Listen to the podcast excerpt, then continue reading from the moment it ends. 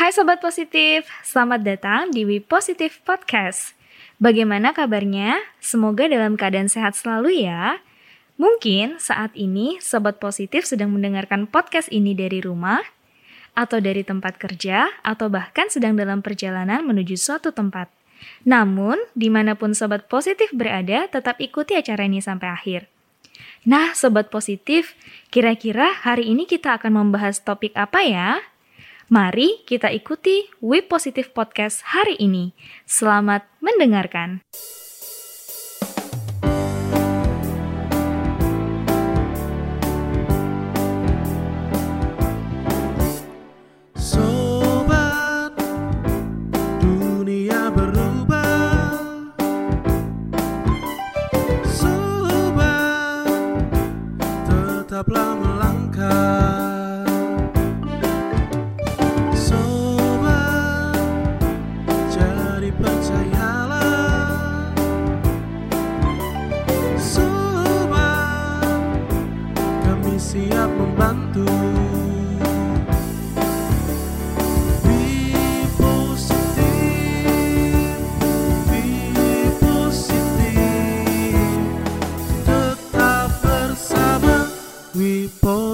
Halo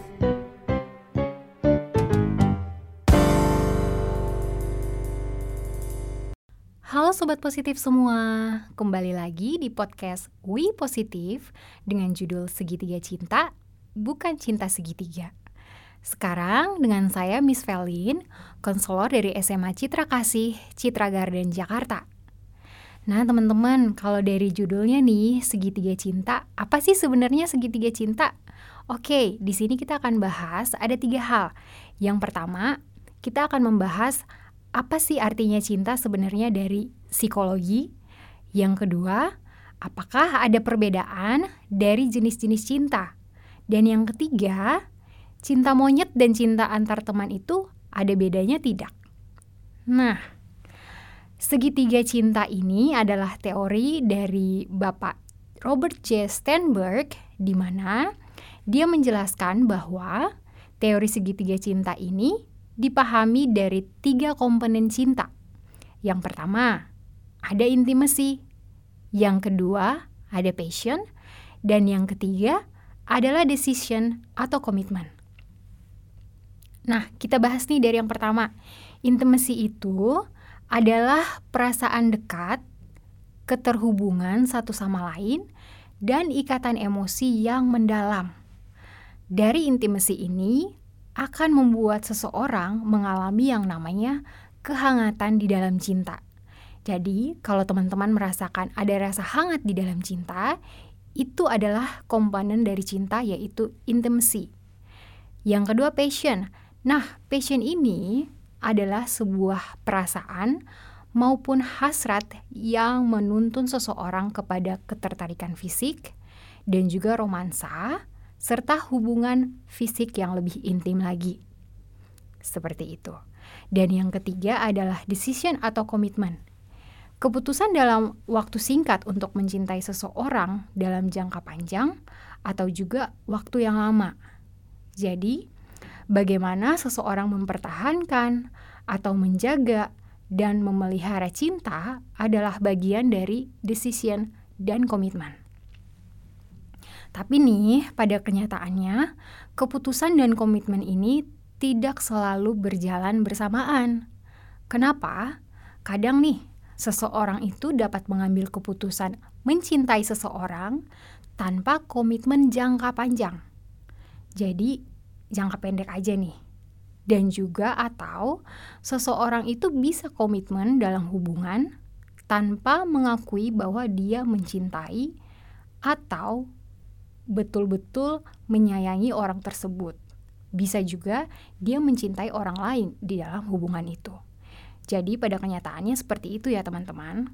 Dan dijelaskan oleh Sternberg bahwa tiga komponen cinta ini saling berinteraksi satu sama lain.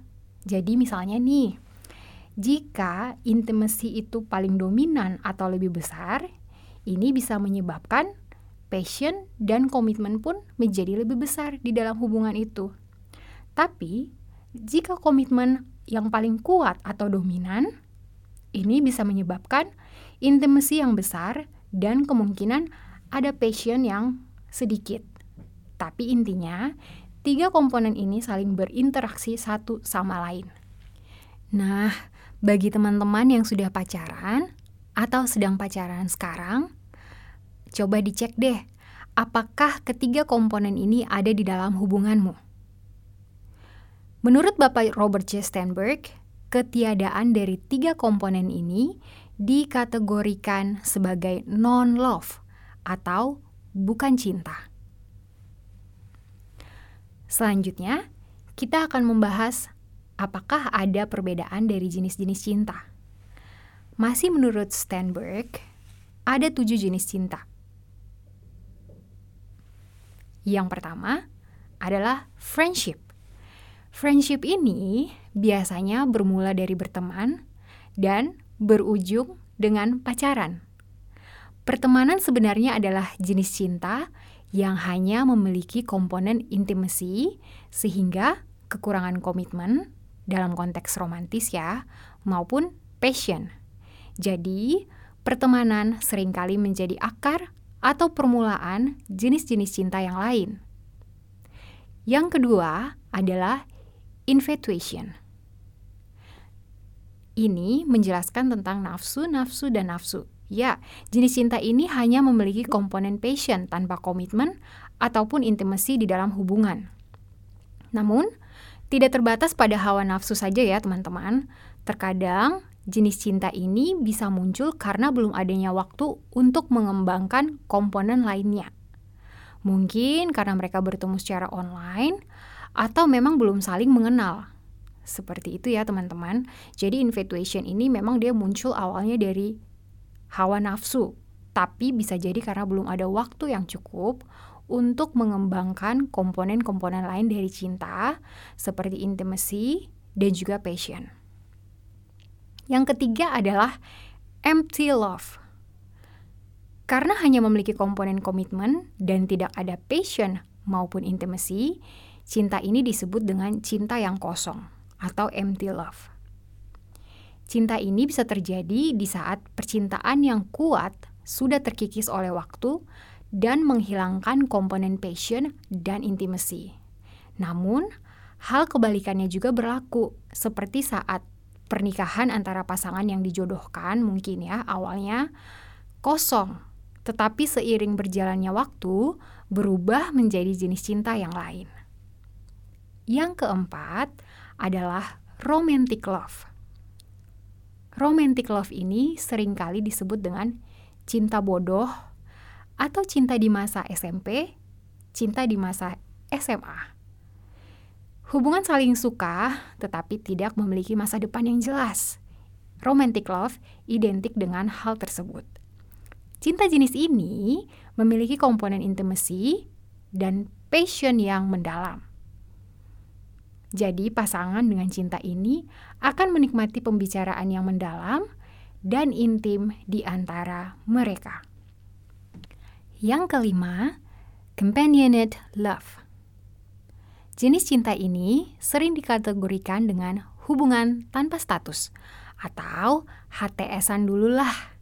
Mungkin nih beberapa di antara teman-teman ada yang diajak untuk HTS-an. Itu masuk dalam jenis cinta ini teman tapi mesra, dan istilah lain yang serupa lah pokoknya. Cinta ini sebenarnya bersifat intim, tetapi tidak terdapat dari sisi passionate yang berapi-api. Cinta ini juga melibatkan rasa suka dan ingin bersama sampai tua, tetapi terdapat hawa nafsu yang minim atau bahkan tidak ada.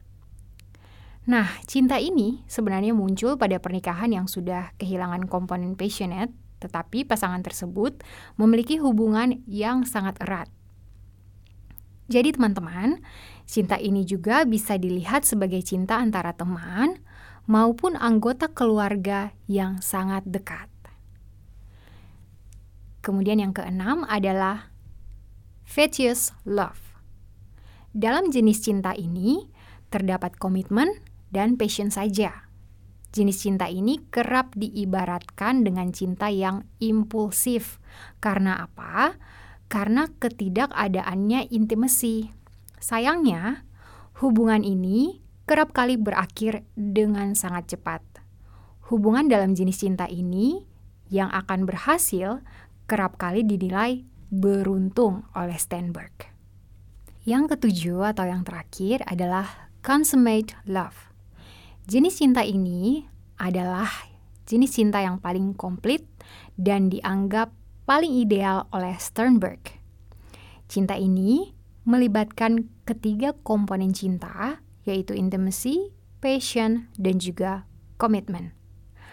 Pasangan yang mengalami cinta ini akan mengalami masa-masa romansa dan juga ikatan emosi yang sangat kuat dan cinta mereka begitu hebat meskipun sudah bertahun-tahun bersama. Mereka terhubung sangat dalam sampai tidak bisa membayangkan hidup tanpa pasangannya dan tidak bisa membayangkan kebahagiaan tanpa pasangan mereka. Pasangan ini menerima perbedaan dan menghadapi tantangan bersama. Jadi, siapa pun yang pernah memiliki hubungan, khususnya hubungan percintaan ya, pasti akan menegaskan bahwa penting sekali mencari keseimbangan di dalam percintaan. Jadi, kebutuhan mereka untuk mencintai, dicintai, dan komitmen dari kedua belah pihak itu dianggap sangat-sangat penting. Menurut mereka, cinta itu perlu didedikasikan, dikomunikasikan dengan baik, dan juga harus ada keterlibatan dari kedua belah pihak agar dapat saling mempertahankan hubungan dan dapat terus terjaga hubungannya dan berjalan dengan lancar. Demikian teori segitiga cinta dari Steinberg. Dan sama sepertinya hubungan cinta yang dikira akan bertahan selamanya, teori ini juga banyak kelemahannya. Banyak para ahli yang menggarisbawahi cara Steinberg mendeskripsikan dan bahkan mengkategorikan berbagai jenis hubungan sebagai cinta, meskipun tidak ada komponen intimasi yang merupakan esensi dari percintaan itu sendiri. Jadi teman-teman, cinta memang merupakan sebuah topik yang sangat sulit dan akan selalu berkembang seiring dengan berjalannya waktu. Dahulu, cinta sering digambarkan secara lebih passionate dan juga sering diidentifikasi dengan yang namanya perselingkuhan yang membuat sebuah relasi menjadi lebih panas. Namun, hal tersebut menutupi kesempatan kita untuk menikmati cinta yang sebenarnya. Tulus dari hati, cinta yang sehat, dan untuk entah berapa tahun lamanya. Teman-teman, berdasarkan penjelasan Miss Felin tentang teori segitiga cinta Steinberg tadi, apa pendapatmu dengan teori cinta ini? Apakah kamu merasakan hal yang sama? Atau justru kamu merasa kalau cinta-cinta ini kurang tepat? Nah, teman-teman bisa mendefinisikannya secara mandiri ya. Apakah cintamu masuk dalam jenis cinta pertemanankah? Ataukah cinta dengan keluarga kah? Ataukah itu adalah cinta dengan sahabat?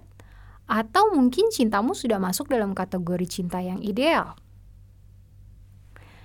Dari situ teman-teman bisa belajar ya bahwa ternyata cinta itu punya tiga komponen yang dijelaskan oleh teori segitiga cinta Steinberg yaitu intimacy, passion, dan juga decision atau komitmen. Dan juga kalian bisa mengklasifikasikan atau menentukan sendiri jenis cinta yang sedang kalian alami saat ini adalah jenis cinta yang mana. Oke sobat positif, demikian podcast We Positif hari ini. Sampai jumpa lagi di podcast selanjutnya. Bye-bye, Tuhan memberkati. Penerimaan siswa baru Sekolah Citra Kasih Sekolah Citra Berkat telah dibuka. Ayo segera daftarkan putra-putri Bapak Ibu ke Sekolah Citra Kasih Sekolah Citra Berkat yang ada di kota Bapak Ibu sekalian. Untuk info lebih lanjut mengenai link website Sekolah Citra Kasih dan Sekolah Citra Berkat, dapat dilihat pada We Positive Podcast description di bawah ini. Salam Citra Trainers.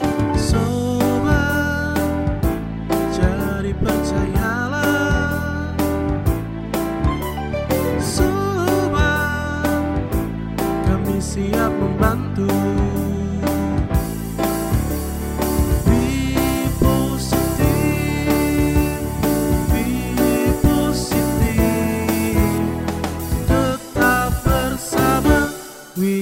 We positif